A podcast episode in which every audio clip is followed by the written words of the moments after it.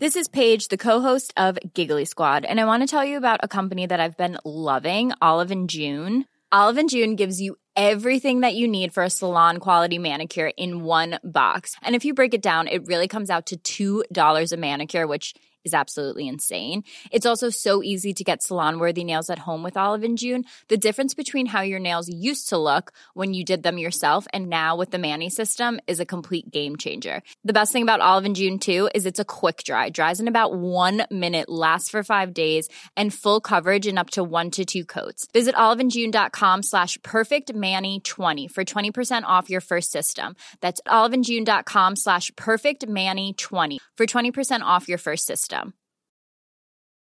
I'm Sandra, and I'm just the professional your small business was looking for. But you didn't hire me because you didn't use LinkedIn jobs. LinkedIn has professionals you can't find anywhere else, including those who aren't actively looking for a new job but might be open to the perfect role, like me. In a given month, over 70% of LinkedIn users don't visit other leading job sites. So if you're not looking on LinkedIn, you'll miss out on great candidates like Sandra. Start hiring professionals like a professional. Post your free job on linkedin.com/people slash people today. Wow. Nice. Yeah.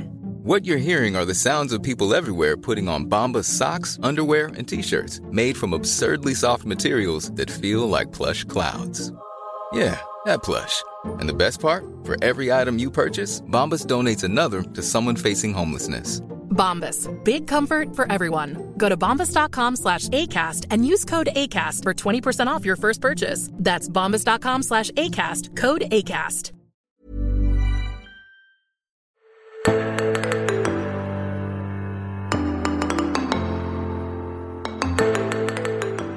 Da er det en glede å ønske velkommen til denne ukens episode av Tore og Tarjei. Her i studio sitter nyhetsredaktør Astrid Dalehaug Norheim, journalist Tore Hjalmar Sævik og meg sjøl, Tarjei Gilje. Og før vi går i gang med dagens tema, så skal vi bare ta det forbeholdet at denne episoden er spilt inn på forhånd. Det er nemlig høstferie på Vestlandet denne uken. Ikke helt hvorfor man driver med det enn å ha høstferie på ulike tider, øst og vest, men eh, sånn er det. Så vi har akkurat sett hvem som vant Nobels eh, fredspris for i år. Det var jo naturligvis en pris eh, landets journalister sikkert er spesielt eh, glad for. Et stort øyeblikk, rett og slett. Ja, det kan vi godt si. Så vi vet jo at statsbudsjettet legges frem kommende uke. Vi vet at valgkomiteen i KrF går flere runder i, på veien mot å ha en innstilling til partileder. Kanskje får vi ny regjering kommende uke.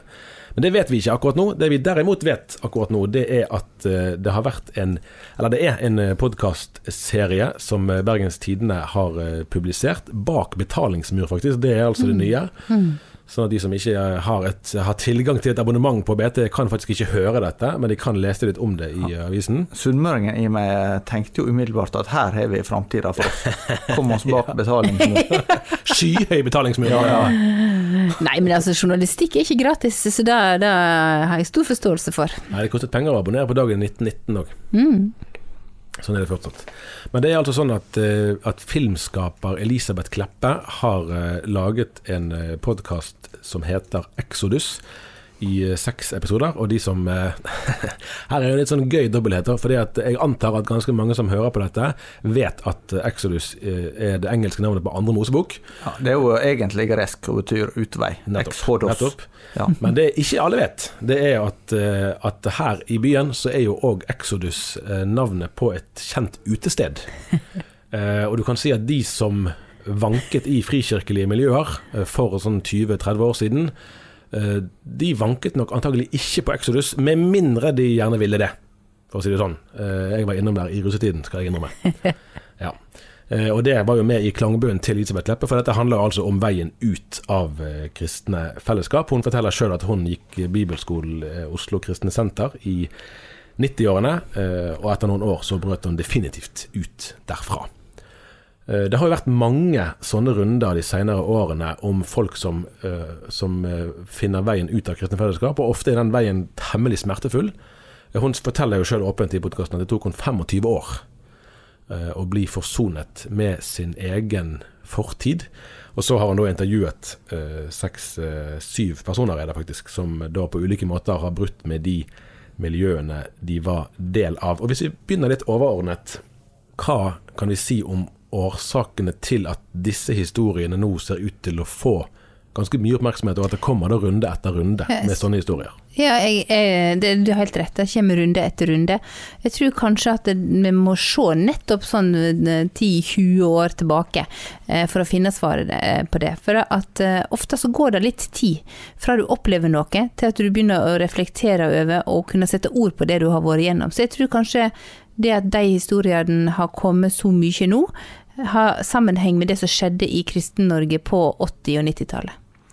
Og det som kanskje er et fellestrekk for eh, flere av de som er her, er at de var med i det vi kanskje kan kalle nykarismatikken. Det, altså den som, eh, den som hadde sånn ja, en storhetstid på 80- og 90-tallet. Ja. Det var trosbevegelsen som kom eh, veltende inn med en voldsom sånn fornying. Husker jeg som sa jeg ble redda opp av eh, bedehuskjelleren med bordtennis, der de spilte bordtennis. Eh, og fikk liksom være med på veldig sånn amerikansk inspirert, eh, voldsom framtids... Eller sånn håp om at alt skulle gå bli bedre. Store vekkelser. Tok i bruk veldig populær musikk. Eh, Lyd, lys, eh, bilde. Jeg, det Jeg husker jo det fra jeg kom til Bergen eh, seint på 90-tallet. Så, mm. så var liksom levende ord et stort innslag i 17. mai-toget. Eh, Ja, det stemmer. Altså det var den største avdelingen. Altså det er jo sånn i Bergen at den går gjerne tilknyttet lag eller organisasjoner mm. i, i prosesjoner. Og det var sånn påfallende stort, da. Ja. Nei da, jeg eh, gikk jo på eh, en internatskole, Misjonssambandets internatskole, Tryggheim, og eh, var russ i 92. Ja da, vet vi hvor gammel jeg er. Men det var jo akkurat når Jæren kristne senter holdt på å bygge seg opp, ca. tre minutter å gå ifra Tryggheim. Så vi var noen som gikk ifra Tryggheim til møte på Jæren kristne senter. Uten å få merknad. Absolutt ikke uten å få merknad. Det ble satt opp Nei, vi fikk vel ikke merknad, men det ble satt om egne tema, eh, temakvelder på Tryggheim da, for å analysere denne nye fenomenet som kom. Eh, selvfølgelig med sterke advarsler. Det er jo en av de tingene som, som eh, er litt interessant å tenke over i vår tid. Dette var jo ikke ukontroversielt da heller, men av litt eh, andre årsaker. Da var det Mm. mye en, en eh, debatt som gikk eh, angående disse teologiske impulsene, men særlig kritikk fra lavkirkelig Mm. eh, altså bedehushall. Så hvis du går litt tilbake der, Astrid, til den tiden der, altså, eh, og tenk, de tingene som det da ble advart mot, de Mm. Ja. trekkene eh, Ja. i denne nykarspolitikken, eller i trosbevegelsene, man kan bruke ulike merkelapper, eh, er det de samme eh, punktene som man vil bruke hvis man er kritisk nå? Nei, det, det øh, var helt andre ting, faktisk. Det er et godt spørsmål, da. For det at øh, den gangen Nå er det jo snakk om at man opplevde at det var ikke plass til et helt menneske. Et voldsomt autoritært ledersett. En veldig sterk sosial kontroll, hvis du skal bruke sånne begrep. En opplevelse av øh, å ikke kunne være et helt menneske i disse bevegelsene. Det er jo det mye av kritikken går på. Den gangen så var det mye mer teologi, sånn som Tore Hjalmar var inne på. Eh, Jeg tror det var for tidlig til at han kunne se sånne ting. Det han kunne se var jo i større grad teologien. Så det en av de typiske bildene som ble brukt, var jo at han advarte mot å se på Gud som en colaautomat. Der han eh, putta på ei bønn eh, og fikk eh, bønnesvar. Og at, at man, man opplevde at man gjorde Gud liten, og at han, hvis han var bare god nok kristen, så ville han få bønnesvar. Det var en av de hovedtingene man advarte mot. da. Ja, og så gikk det jo også på hele denne forståelsen av, eh, av eh, at mennesket skulle bli eh, Få en autoritet. Eh, en åndelig autoritet. At nesten en skulle eh, oppnå samme status som Jesus. På, sånn, ikke helt, men, men en kunne nærme seg veldig. Ja. Det har vært en, en diskusjon. Jeg husker det var en eh, professor på det som da heter Menighetsfakultetet. Eh, Kjell Olav Sandnes har skrevet en bok som jeg intervjua han om for 15 år siden, eller kanskje litt mer. Eh, som, som gikk nettopp på dette med det guddommeliggjorte mennesket. Ja. Og det var jo særlig knyttet til disse her eh, predikantene fra, fra USA som var toneangivende. Kenneth Hagen og Kenneth Copeland og, og sånne. Mm, mm.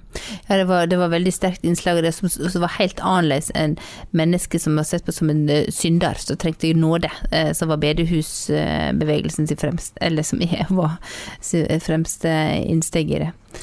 Her er jo, altså, det var jo en sånn uh, lanseringsarrangement eh, for denne podkasten på et nytt kulturhus faktisk her i Bergen på, på onsdag. Jeg var med i en sånn panelsamtale der, og da er det liksom to spor eh, det går langs. For det ene er jo dette med, med maktkritikken. Altså de som virkelig har, har brent seg på autoritære ledere.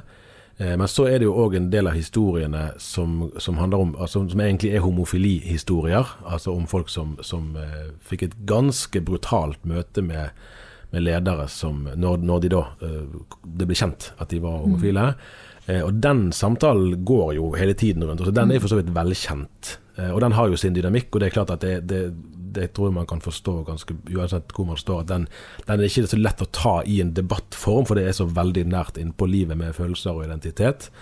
Eh, mens den andre, som handler om maktstrukturer, den er jo mer altså, lettere å angripe fra et prinsipielt eh ståsted. Og der er det jo det hadde jo skjedd en utvikling, kan jeg vel si, på den måten at Og Der, der, der begynner hun Kleppe fint. Da, med, hun, har, hun har vokst opp i, i, det som vi kaller for Frie venner, altså de frie evangeliske forsamlinger, som er en, en pinseretning. Eh, vi mm. besøkte jo de når, når vi var på, rundt på denne turneen i 2019, tror jeg, i, i Mosterhamn. Så var jo de på en måte pinsevenner ti år før pinsebevegelsen ble til. Mm. Eh, men det er jo nesten sånn ekstremt egalitært. Altså, de har jo ikke mm. engang medlemskap fordi man er ikke medlem i Guds rike. Det er ikke noe skjema på, eller noe navn på et ark, det er på en måte hjertets tilslutning. Det kan sikkert være sterke personligheter der òg, men likevel strukturen er veldig flat. Så det er veldig motsatt av det som vi snakker om her fra, mm. fra trosbevegelsen. Men veldig der man der eldsteråd det var, det var jo noe man måtte få vekk dette eldsterådet, sånn at pastoren skulle ha størst mulig eh, handlefrihet.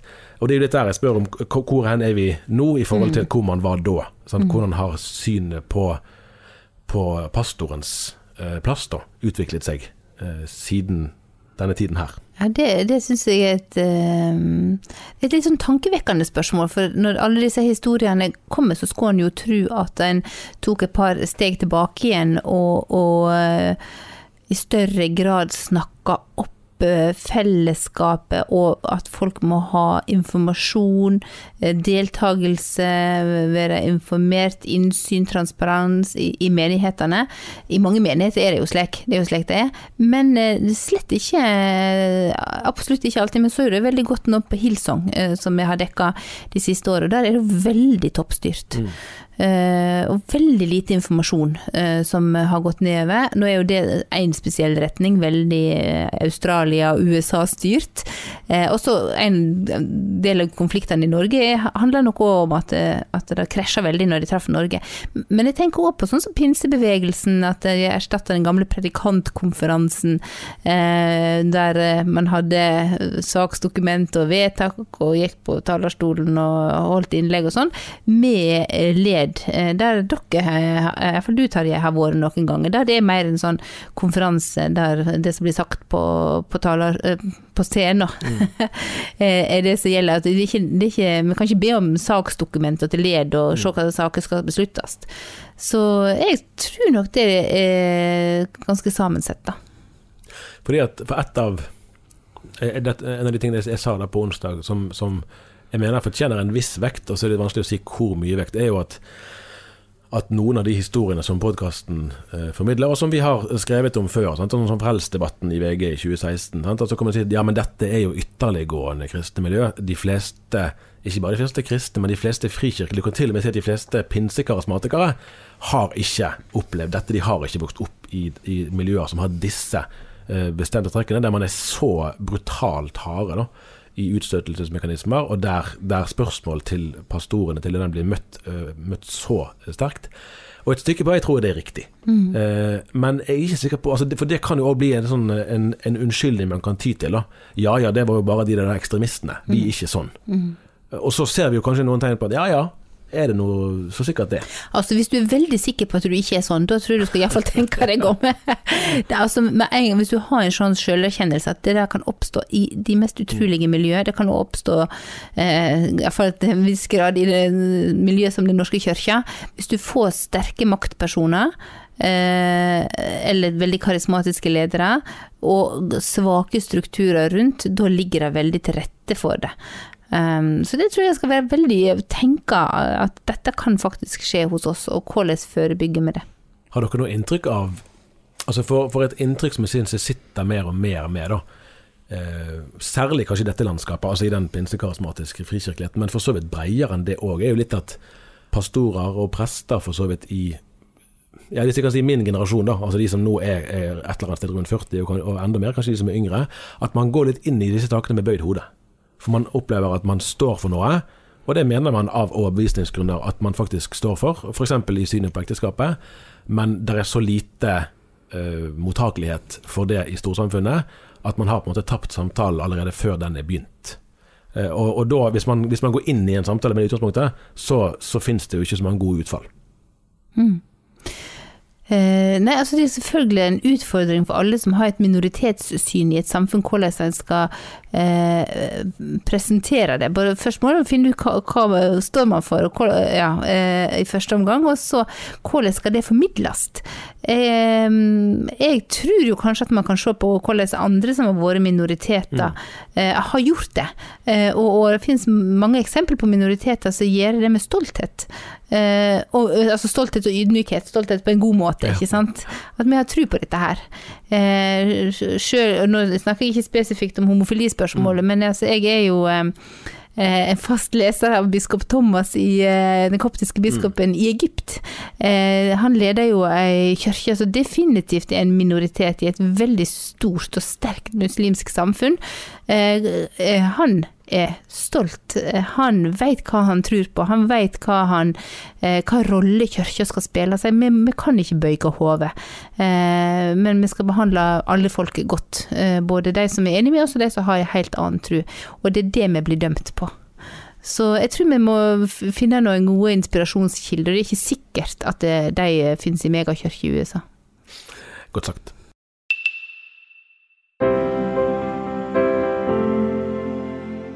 Leter du etter inspirerende kristne filmer og serier for hele familien? På New Faith Network finner du det største nettutvalget av historier om tro, håp og kjærlighet. Abonner nå og se de første 14 dagene gratis. Gå til newfaithnetwork.no.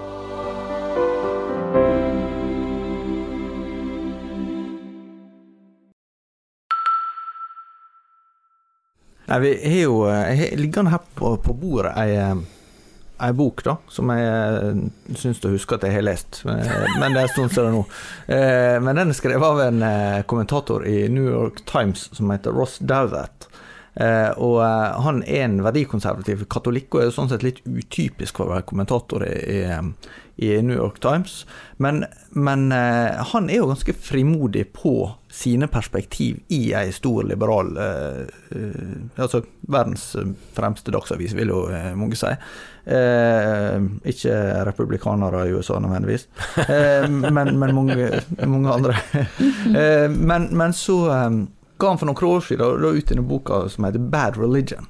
Eh, som, eh, som eh, har undertittel 'How We Became a Nation of Heretics'. Altså hvordan vi ble en nasjon av vranglærere, egentlig.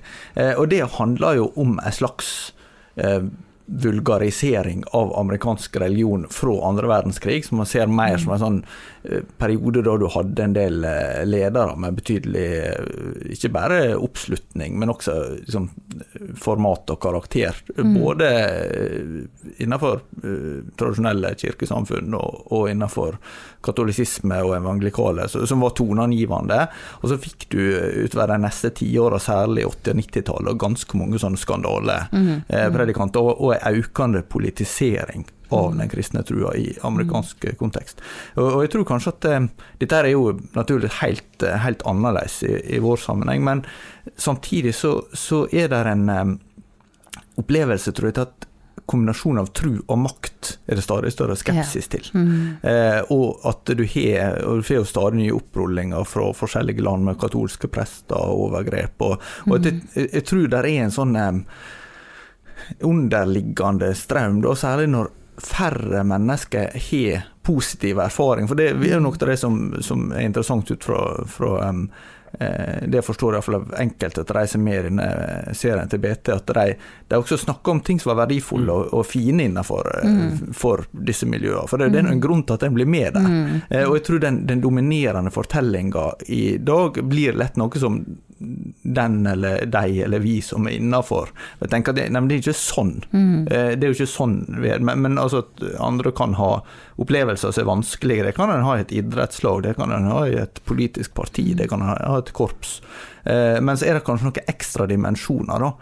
Eh, og, og der er det også, syns jeg, spennende med eh, med han eh, Charles Taylor, som er en eh, kanadisk filosofiprofessor, og skrev en gedigen bok som heter A Secular Age, som handler om hva som gjør at eh, en i Vesten er gått fra det at det var selvsagt å tro på Gud, til at det er langt fra selvsagt og i en del miljø helt utenkelig.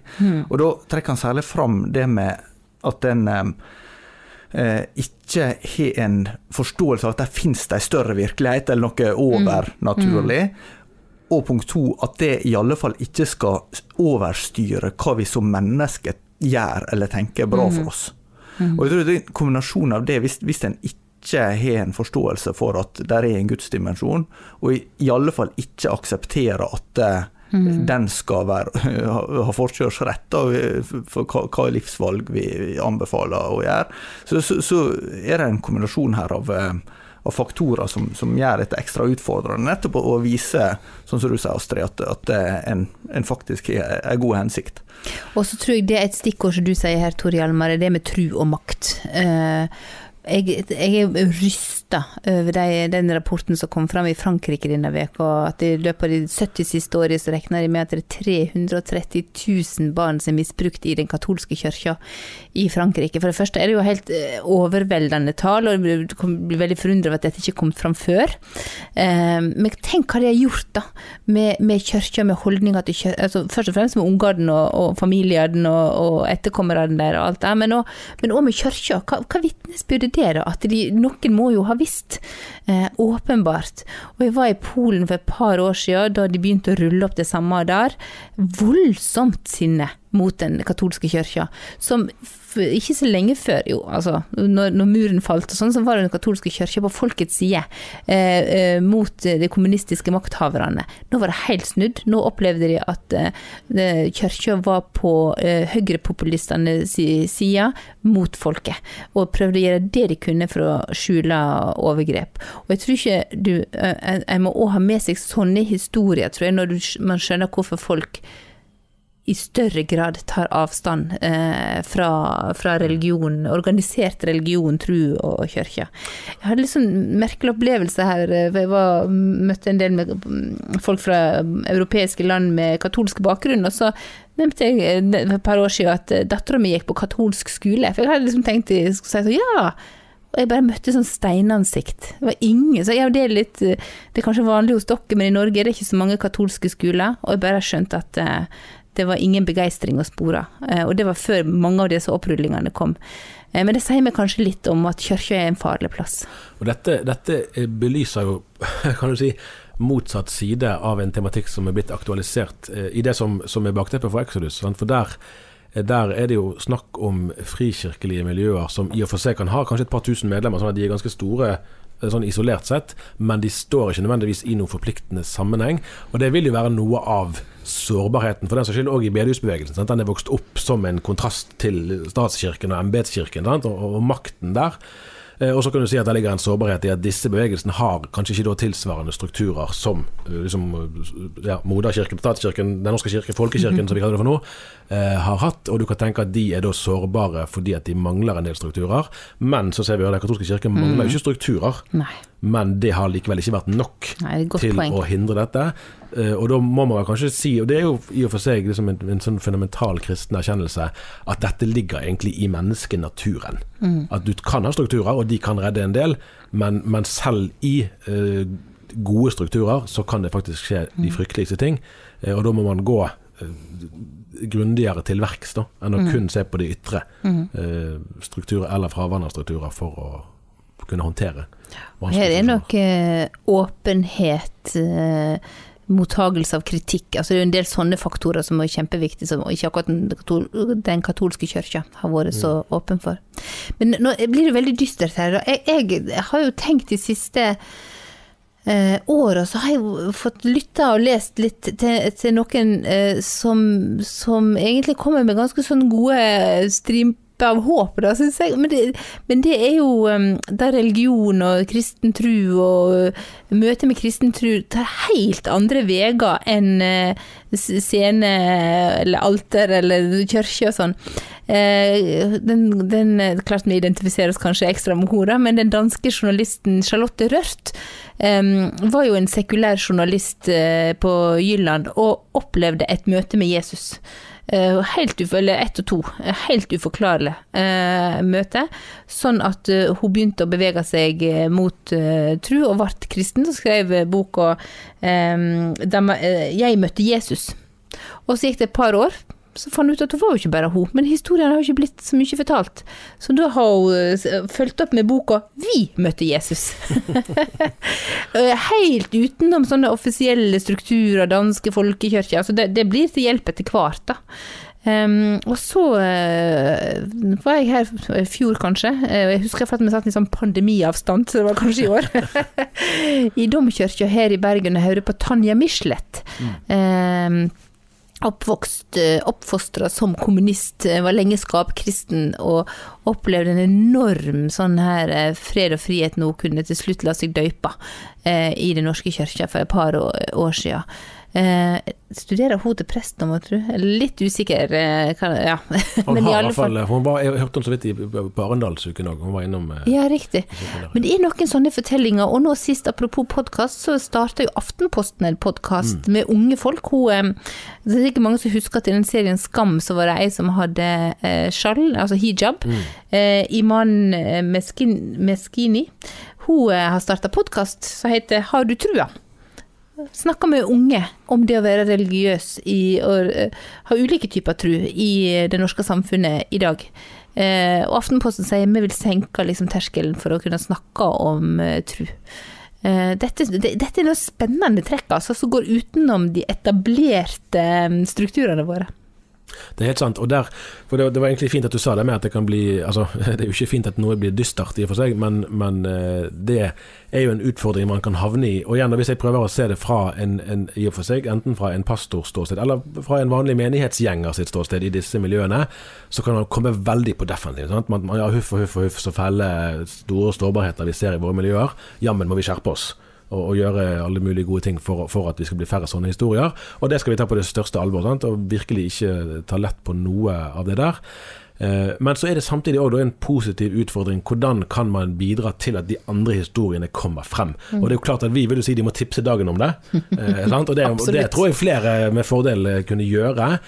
Men hvis vi prøver å leve oss Nå skal ikke vi drive og være PR-rådgivere, sånn, men hvis vi ut fra samfunnsforståelsen, og hvis vi lever oss litt inn i den, i den horisonten likevel, hva kan, hva kan, man egentlig gjøre for å tenke ja vel, jeg er et kristent ungt menneske. Jeg, jeg eh, vil gjerne måte, fortelle verden hva jeg har å melde. Hva skal man gjøre egentlig? Jeg tror jo eh, sånn helt grunnleggende så er det med fellesskap viktig. Altså det å ha noen som en, en eh, deler trua med. Eh, som, som en, og gjerne som på tvers av alder, tror jeg. At, mm. at det å kjenne andre kristne, det, det å, å har noen både å speile seg og la seg utfordre av, og, og som en, som en eh, Både et større fellesskap og et, og et mindre fellesskap. Det, mm. det, det, jeg husker eh, det var en eh, som sa for Det var Karsten Isaksen som, som døde for noen år siden, men, men som sa at et langt liv som prest hadde lært ham at det var et, et ord som kunne skille et godt liv fra et vanskelig liv, og det var mm-hmm. ordet fortrulighet. Mm. Og, og, jeg tror eh, rett om det å oppleve at kristen, kristen tro handler noe mer om alt mulig jeg skal kunne svare på, men det handler om et liv som en, mm. som en lever, og, og, et, og et trygghet, en bekjennelse en kan lene seg til. Eller, ja. Og det er litt i tråd med det Høyre-politiker Mathilde Tybring-Gjedde sa da vi traff henne på UL i sommer. For vi snakket jo og spurte jo hun om det, Tarjei, mm. eh, og hun eh, Eh, hun er jo helt superskolert uh, ung politiker, veldig vant med å gå inn i debatter og prøve å overbevise andre. Og da spør jeg hva råd vil du gi til kristne? Da var det litt det samme som du sier, Tor Hjalmar. Hun sier, sa jo da at uh, du må snakke, fortelle hva i dette som er viktig for deg. Hvorfor er denne trua og overbevisningen viktig eh, for deg? Mer, kanskje mer enn å kunne svare på alle faktaspørsmål og teologiske problemstillinger og sånne ting. Fint hvis man har kunnskap om det, men det er ikke der det begynner. Det er ikke det som gjør at folk er interessert og lytter, tror jeg. Mm. Og så tror jeg jeg kan legge til et moment der, og det, og det kommer også frem. Det er egentlig et av de øyeblikkene fra, fra denne podkastserien som jeg tar med meg. Eh, fra en, en, en, av de som heter Birgit, som er intervjuet, eh, som sier mot slutten der at hun har måttet lære seg å leve med usikkerhet. Mm. Eh, og der tror jeg at det er en, en um, erkjennelse som egentlig er mye mer utbredt eh, enn en det er satt ord på, og egentlig òg blant godt voksne folk. Mm. Mm. Eh, selv om det kanskje er lettere å få øye på det nå blant de som er yngre. At man man skjønner jo det at selv om man tilhører en bevegelse som har hatt ganske klar profil i mange forskjellige spørsmål sånn, Tidligere kunne det være dåpssyn man diskuterte, i mm. dag ikke så mye om det, men det er andre ting. Og frontene kunne være ganske steile. Så skjønner man ja, det er jo ikke helt sikkert at mm. alt er sånn som jeg har blitt opplært til. Og det finnes oppegående folk som mm. tenker og tror annerledes enn en sjøl. Og der står man, da. Og at det går an å formidle en frimodig kristen tro uten at man dermed trenger å fornekte at ja, det er ikke sånn at jeg har alt på plass. Mm. At hele mitt teologiske skjema Du kan liksom krysse ut i alle rutene, og så er det perfekt symmetri. Eh, sånn er det faktisk ikke, men, men det går an å, å, stå frem med en kristen tro eh, likevel. Og kanskje der er en sånn frihet som egentlig finnes der, men som eh, det er kanskje noe som stritter imot, da, i, mm. fordi man har med seg noen reflekser om at ja, men jeg skal jo, hvis jeg ser på meg sjøl som konservativ f.eks., eh, selv som en merkelapp som jeg tror en del egentlig bruker selv om man ikke snakker høyt om det, så skal man jo være sånn og sånn og sånn. Eh, og så er ikke det nødvendigvis helt i tråd med den livsopplevelsen man faktisk har. da.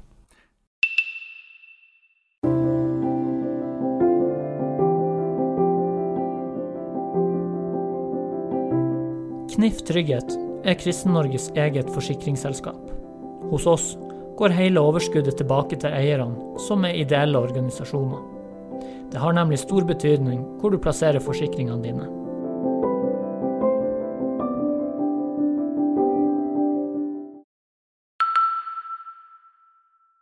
Jeg vil bare der eh, avslutningsvis uh, fortelle at det er noe i det siste jeg har funnet fram igjen. Bok, jeg, tror det er Du, du har en del sånne gode litteraturtips, du nå? Jeg er veldig imponert der, altså. Ja, nei, det var, det var, ikke Dette er ikke noe veldig tjukke bok, altså det, men det er rett og slett uh, en klassiker som heter Mere Christianity. Den ja. finnes også på norsk. Se det i øynene, C.S. Lewis. Jeg har ikke lest den på engelsk før, men jeg gjorde det nå. Og den var jo egentlig basert på foredrag som uh, C.S. Lewis, som de fleste vil eh, kanskje forbinde med Narnia-bøkene. Mm. Men han hadde noen foredrag eh, på BBC under andre verdenskrig. Og det ble etter hvert til Mere Christianity, da, som kan oversettes basiskristendom eller noe mm. sånt. Og den er egentlig forunderlig interessant og aktuell fortsatt i dag. Så jeg tenker også det å finne noen bøker som, som stimulerer litt tankene. Det finnes mange som har levd før oss, altså. og som lever samtidig, for den del, men, men som, som, kan være litt sånn gode å speile seg i. Mm. Godt tips. Jeg har faktisk den boka hjemme, og jeg har ikke lest den. Les den helst på engelsk, skulle jeg si. Ja, du, der, der er nok, du hakket ja, Du England alt. Ja. jeg tar henne på ja, norsk, jeg tror jeg. se, se, det i øynene, den fins det, tror jeg, kanskje til og med nye opplag. Ja, jeg har en av de nye opplagene. Mm, stemmer. Nei, men Da får vi si det sånn for denne gang. Vi er tilbake neste uke. Takk for nå.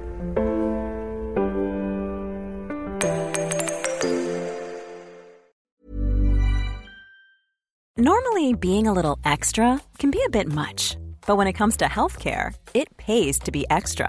And United Healthcare makes it easy with Health Protector Guard fixed indemnity insurance plans. Underwritten by Golden Rule Insurance Company, they supplement your primary plan, helping you manage out of pocket costs without the usual requirements and restrictions like deductibles and enrollment periods. So when it comes to covering your medical bills, you can feel good about being a little extra. Visit uh1.com to find the Health Protector Guard plan for you. Imagine the softest sheets you've ever felt. Now imagine them getting even softer over time.